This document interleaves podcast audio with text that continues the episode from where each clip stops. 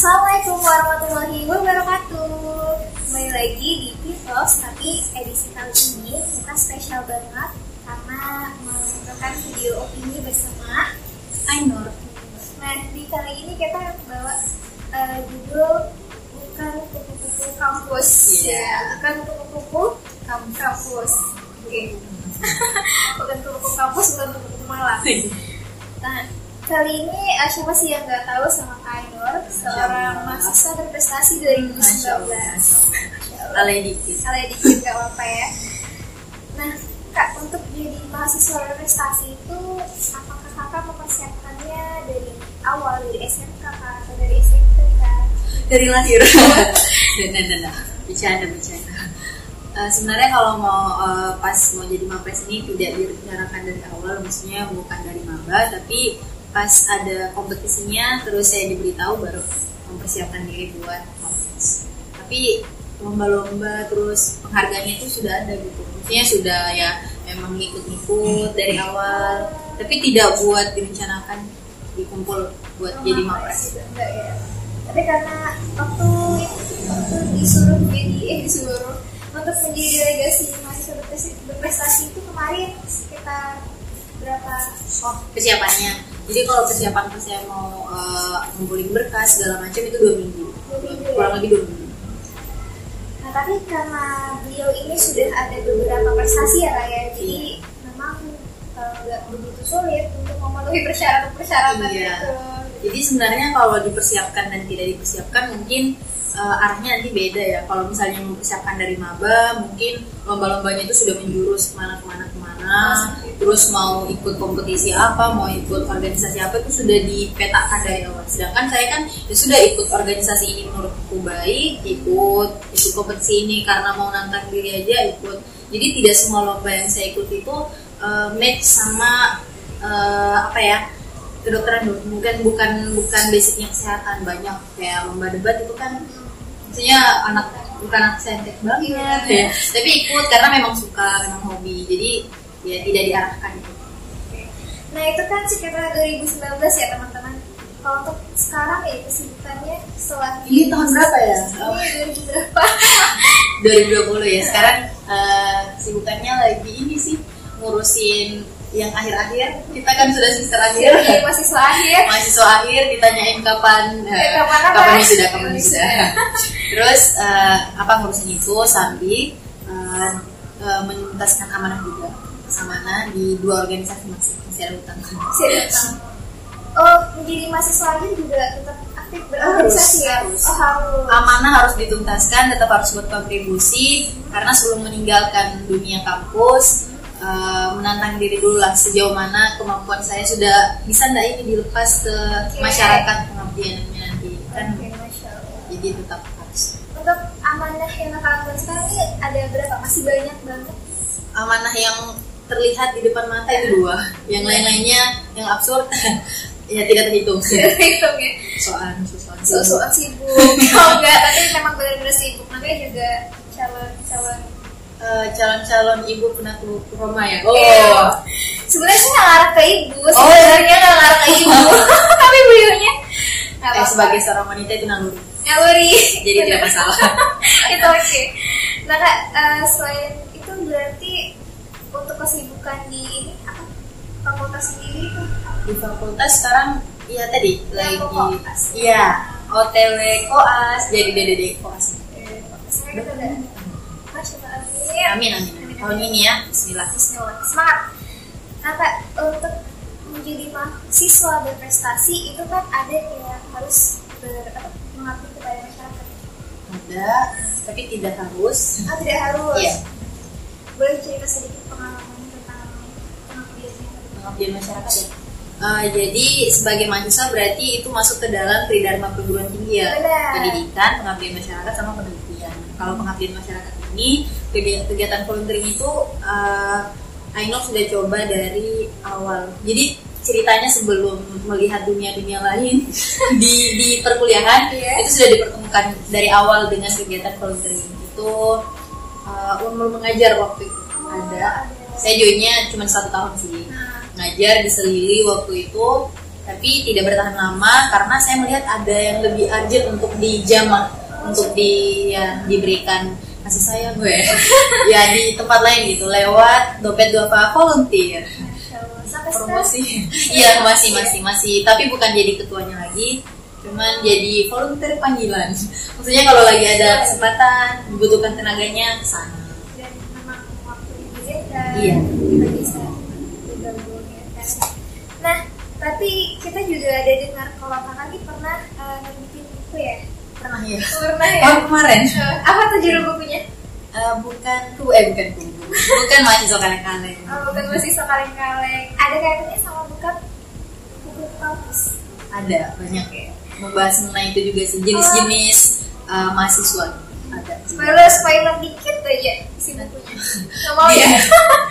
sih pokoknya gambaran besarnya itu saya nulisnya buat ini sih eh, memberi gambaran kayak sebagai guideline supaya mahasiswa itu tahu arahnya nanti ke mana. Pas ma- jadi mahasiswa sudah punya tujuan eh, akhirnya mau gimana sih sudah terbayang gitu.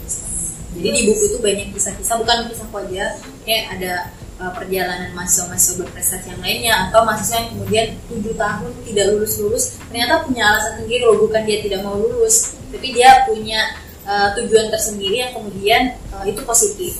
Nah, jadi saya bagikan semua. Jadi intinya mau memilih jadi mahasiswa jenis apa pun itu ketika landasan dan nilainya itu ada ya tidak masalah menurutku. Jadi tidak usah saling menyalahkan ih kupu-kupu ih eh, pura-pura Iya. iya lagi tuh Rinci. Enggak ya? ya pokoknya itulah jadi tidak saling menyalahkan tapi saling melengkapi kalau semua di kampus pura-pura atau semuanya kupu-kupu jadi apa kampus kita banget. Zoo, jadi. Oh enggak ya? iya jadi harus saling melengkapi lah ya Benar banget. Nah, karena tadi tujuannya untuk eh, memberitahu pada mahasiswa gitu gimana sih seharusnya kita bawa nama kita mahasiswa itu ya kan?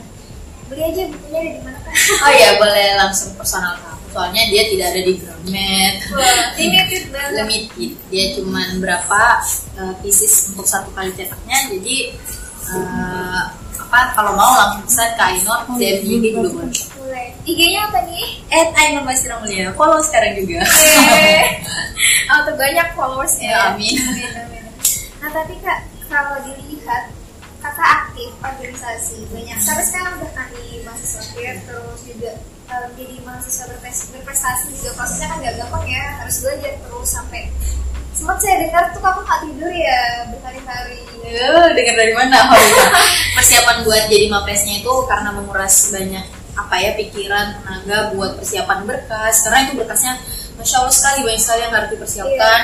Eh, SK segala macam, bukti-bukti prestasi kita itu jadinya tidak tidur dua hari karena bersamaan dengan ujian project. Masya Allah tapi kuat ya Allah yang kuatkan. Allah yang kuat Karena kita adalah manusia lemah, Allah yang kuatkan. La haula wala quwata illa billah. Insya Allah. Nah itu tadi kayak yang tanyain gimana cara manajemen waktu kakak?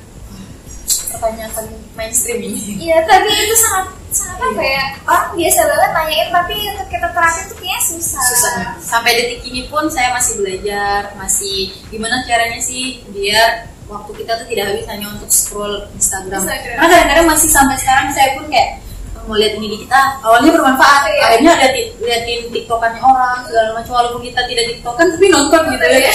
aduh menambah Kacau. mereka kacau-kacau Eh, jadi eh, harus di apa ya dilatih dari sekarang dan sampai nanti sampai kita mati itu manajemen waktu adalah sesuatu yang kita pelajari. Nah kalau dari saya sih tipsnya ini sih eh, komitmen di awal dulu atau tujuannya kenapa kita mesti manajemen waktu. Karena kalau tujuan atau niatannya di awal sudah jadi, di akhir ketika goyah kita kembali oh komitmen awal saya apa gitu. Tergantung setiap orang kan punya value masing-masing. Benar. Sekarang aku yang nanya kamu. Oh my god. Kalau kalau misalnya kamu manajemen waktu tujuanmu apa kira-kira?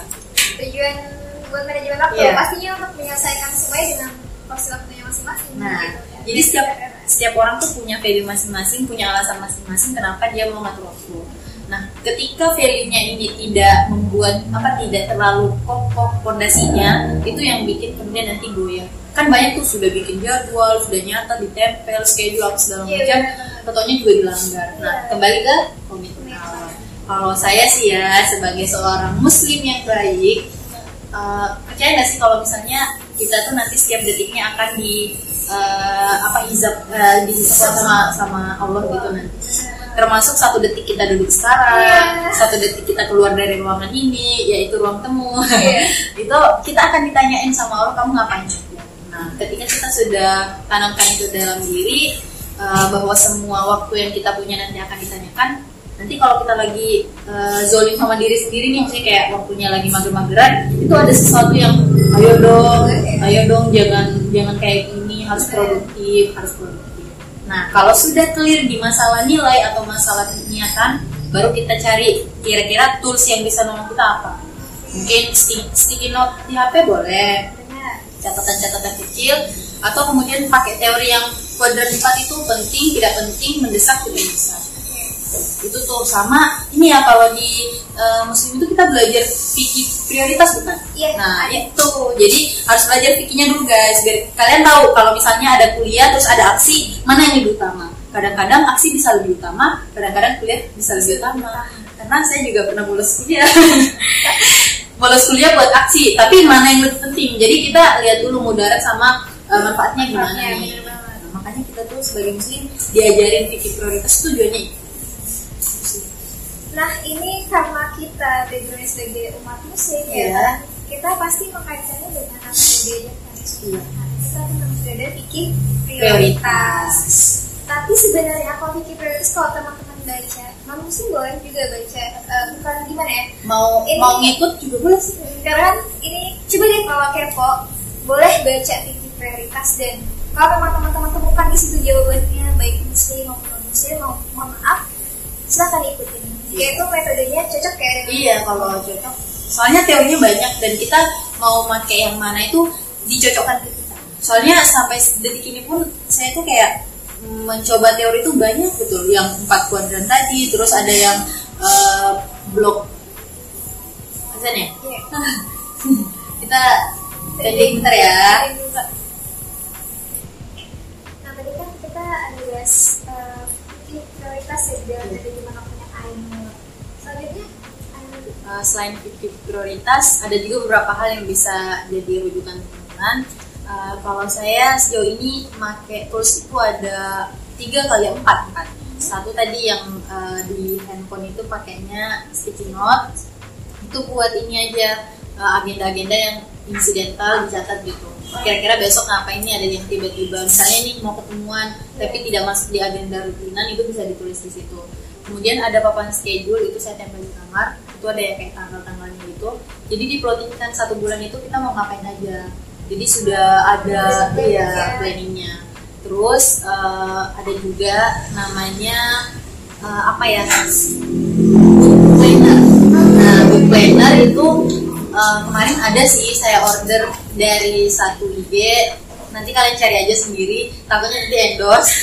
Jadi ada planner book itu. Jadi satu tahun itu kita bisa mengagendakan kegiatan kita. Jadi bisa diatur seminggu ngapain aja jadi sudah apa ya sudah ada hal yang bisa direncanakan. Dan satu hal kalian tidak akan bisa mengatur kegiatan-kegiatan kalian kalau kalian tidak punya kegiatan. Jadi carilah kegiatan. Jadi kayak gitu kadang-kadang orang bingung gimana sih ngaturnya? Kamu ngatur apa? Kamu tidak punya kegiatan. jadi nyari kegiatan misalnya berorganisasi habis itu ikut ikut kompetisi. Jadi jangan takut untuk banyak uh, kegiatan. Karena justru dengan banyak kegiatan kamu jadi terpaksa untuk mengatur waktu awalnya karena terpaksa tapi nantinya malah iya. terbiasa disiplin pasti iya. Pertama komitmen. Hmm. yang kedua pilih tools dan teori mau pakai yang mana pilih prioritas dan cari kegiatan. Itu tapi beberapa orang itu bukan tipe orang yang ngapainin ya. Beberapa orangnya nggak sih? Iya ada sih. Beberapa orang yang ngapainin kayak jadinya uh, apa apa iya serba dadakan. Jadi uh, ada baiknya tapi lebih banyak buruknya kali ya. Benar, benar. jadinya hidupnya kalau tidak ada yang mendadak jadi dia tidak ada kegiatan. Iya. jadi bagusnya kalau ada itu tipe-tipe orang yang suka cewek saya suka nantang dirinya sendiri gitu. Nah kak kalau untuk terakhir deh uh, gak terakhir sih sebenarnya. Gimana ya? Pasti kita dalam melaksanakan itu ada orang yang tadi merasa challenge. Pasti yeah. kakak walaupun udah memprediksi bagaimanapun hmm.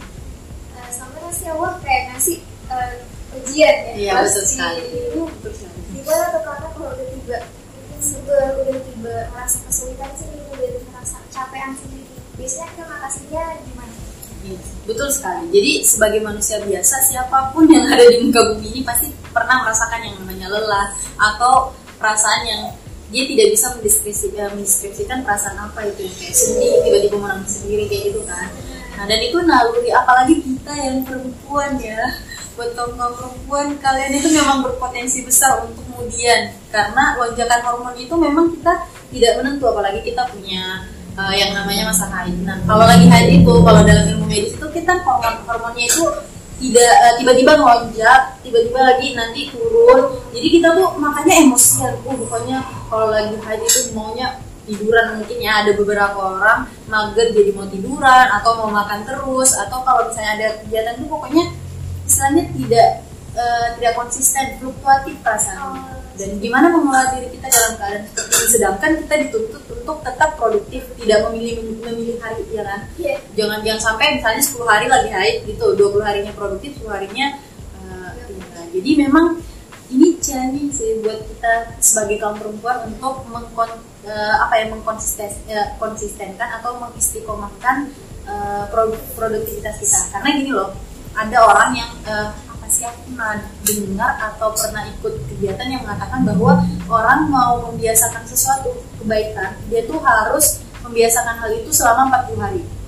Misalnya nih kamu mau rajin baca buku misalnya kamu harus membiasakan itu selama 40 hari sampai nanti bisa seterusnya itu kamu bisa istiqomah. Sedangkan kita tuh punya 10 hari buat hari itu itu yang bikin kita jadinya kadang-kadang 10 hari itu ujian dan ya lumayan lah uh, ngaruh sekali. Dan saya ya mengalami itu juga kadang-kadang. Ya tau lah ya kalau SW ku tiba-tiba bertitik-titik kayak kayak artis uh, siapa gitu. Titik-titik banyak betul curhatan-curhatannya. Itu karena kita mau mengekspresikan bahwa ada sesuatu gitu yang mau dikeluarkan. Jadi pada kondisi seperti itu jangan ditahan. Jangan mengatakan kalau kita lagi sedih itu sesuatu yang kita lemah. Itu bukan bukan lemah tapi semua orang wajar menghadapi itu jadi biarkan aja diekspresikan. Kalau mau nangis ya nangis. Tapi tetap ingat ada batasannya. Karena gini loh kalau ada emosi yang tertahan suatu waktu dia bakalan meledak. Jadi dikeluarkan aja. Kan kalau kamu suka cerita sama temen diceritakan. Nah kalau tips bagi saya sih makanya uh, kita sebagai individu atau manusia itu diciptakan tidak sendiri. Istilahnya ada orang lain karena kita butuh orang lain. Uh, ya harus nyari lingkungan yang baik ya. Benar gitu sih. Juga sangat mempengaruhi. Jadi ketika kita lagi futur istilahnya kalau kita dalam Islam itu uh, menyebutnya futur. Kalau kita lagi futur uh, kita lagi down lagi mager tidak produktif gimana caranya biar uh, jadi produktif lagi ya kita harus berada di lingkungan orang-orang yang kemudian uh, juga baik atmosfernya supaya nanti kita ketika kayak gitu ada yang mengikuti dan saya sering gitu ketika sudah merasa saya tidak bisa lagi dan saya tidak mampu lagi memotivasi diriku sendiri. Karena kita kan gitu kan kadang-kadang ayo mau ayo. Tapi ada satu kita tidak kuat lagi. ya dan itu baru-baru aja lagi saya mengalami itu kayak kok kayak gini sih? Kok kayak gini sih? Nah butuh orang lain. Aku kontak biasanya kalau kita yang kajian itu punya MR ya. Apa yo MR share aja ya. Jadi MR atau orang-orang terpercaya yang kemudian bisa kita tempati minta biasanya kayak kak uh, randomly pokoknya sembarang aja kakak kasih saya nasihat apa pun itu. Dan kadang-kadang tuh kayak wow ini Pas ya? lagi pas. Walaupun kita minta yang Iya, random random tapi kena. kena gitu. Dan itu jadi bikinnya lega. Dan kalau kalau sih biasanya caranya gitu sih buat menjaga ketika kita lagi ya keadaannya seperti itu. Eh, jadi untuk apa ya membangun rasa semangat lagi Iya. kita sebenarnya punya teman yang good vibes gitu Iya, yang ayo dong semangat lagi kamu bisa, kamu tidak gagal, kamu memang lagi lagi masanya sedih, tidak apa-apa selalu ada kesedihannya. Tapi habis ini kita semangat lagi, kita produktif lagi, begitu sih. Sama ini orang tua biasanya gitu. Karena kan kita anak rantau, Iya. kadang-kadang homesick itu membuat kita kayak gitu. Jadinya video call sama orang tua itu memberikan energi positif lagi pada kita. Recharge juga ya Iya. jadi cari lingkungan yang baik terus kalau bisa sih bangun ini ya apa good habits kebiasaan yang baik juga uh, di lingkungan kita nah tips dan triknya untuk jadi mahasiswa produktif baik saat liburan saat aktif gini nah kadang kalau udah aktif masa perkuliahan UTS sampai akhir itu kan kayak udah terbelakangkan sama kita. Sampai Oh, iya. beberapa orang pasti kayak gitu kan. Ada kita ngerasa kalau di organisasi ya kalau teman-teman ikut organisasi pasti ngerasain teman yang udah mulai um, meminta ya ya ya mundur tanpa berita. Kayak gitu tuh cara hindarin gimana Mister? jadi buat kalian para mahasiswa wah, kembali lagi ke niat sih. Kalau aku kayak gitu. Karena eh, di buku di buku yang aku tulis itu ada satu bab yang membahas tentang eh, start from the end. Jadi dia tuh kayak memulai dari akhir. Pokoknya semua hal itu eh, ketika kita bisa membayangkan akhirnya gimana itu yang membuat kita untuk semangat mengatur langkah-langkah kita. Eh, jadi niatannya kuat di awal bisa membayangkan akhirnya gimana jadi itu yang memotivasi kita langsungnya itu lebih teratur dan sistematis. Karena gini loh kebaikan yang tidak teratur dengan baik akan dikalahkan sama keburukan yang eh, diatur dengan baik. Nah begitu juga dengan diri kita ketika kebaikan yang sudah kita rencanakan tidak disusun dengan baik maka itu tidak akan eh, terlaksana gitu akan amburadul. Jadinya biar tetap produktif biar eh, apa ya hari harinya itu eh, bisa baik pertama jaga amalan yaumiyahnya. Maksudnya eh, amalan adalah amalan amalan yaumiyah adalah kayak sholat lima waktunya dijaga baik-baik. Karena ketika itu lepas apa ya something wrong atau ada sesuatu yang lost dari dari diri kita. Karena eh, kita membuka ruang ruang ruang inilah eh, banyak godaan-godaan setan yang kemudian ke kita ketika kita tidak menjaga sesuatu yang wajib untuk kita laksanakan. Karena ke gini loh ya hati yang genggam itu adalah pemilik hati. Baik hati pemilik hati adalah yang di atas yang di atas adalah Allah gitu. Jadi makanya kita doanya tiap saat itu adalah yang mukalibul qulub sabit kali kalbi Allah ini ya Allah kita ini punya hati dalam genggamanmu. Kapan dibolakkan kayak gini kita tiba-tiba malas kita tiba-tiba rajin kita tiba-tiba nangis kita tiba-tiba tertawa itu Allah semua yang tentukan jadi kalau mau mem- membuat perasaan itu punya konsisten minta sama yang punya hati yang punya perasaan nah itu satu kuncinya. Jaga ya eh, apa amalan yaumnya. Kalau misalnya lima waktunya jaga ngajinya kalau misalnya kalian nargetin satu juz satu hari boleh atau satu lembar satu hari tidak apa-apa. Yang ada gitu kalian jaga itu baik-baik supaya eh, yang wajibnya ya kalau yang sunnah-sunnahnya kadang-kadang itu dia fluktuatif setidaknya wajibnya ini selalu dijaga jangan dilepas itu biar produktif setidaknya produktif dalam beribadah kan kemudian yang kedua kalau boleh tadi eh, lagi-lagi kalian cari wadah, cari teman, cari cari atmosfer yang baik lah di sekeliling kalian. Karena gini, eh, teman itu sangat menentukan kita gimana ya. Eh, Jadi eh, kalau kalian bergabung di satu organisasi, dipikirkan organisasi ini bisa bawa saya lebih baik atau tidak. Misalnya ikut terus gimana?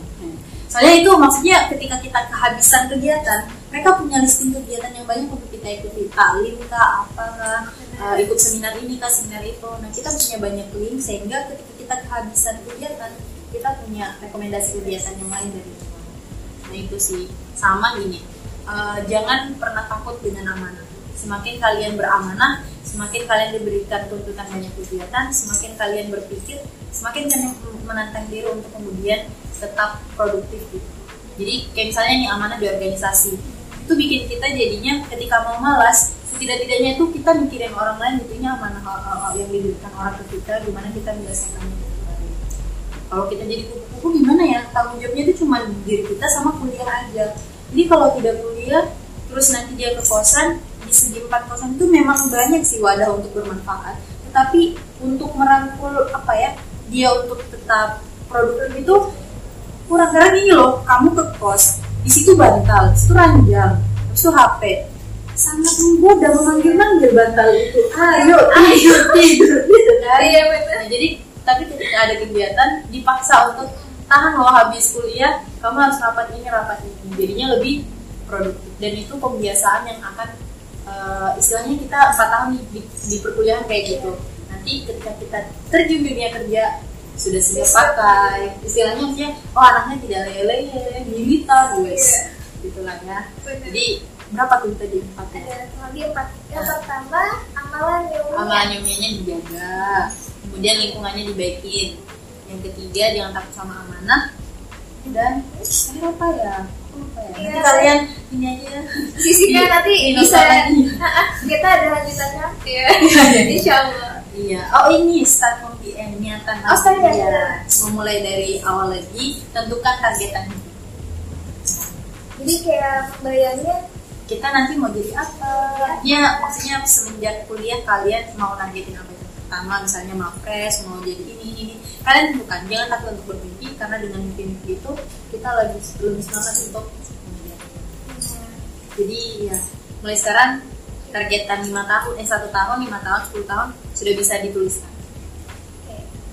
kalau seenggaknya kalau males coba yang dicicil di HP itu. Pakai tools-tools yang ada ya. Iya pakai tulisan karena ada banyak banget kecanggihan teknologi itu yang untuk bikin planning dan udah banyak banget buku-buku yang dikemas cara cara bagus banget. Gitu Iya. jadi bikin buku motivasi. Buat kita motivasi. Iya baca buku sih ya Iya.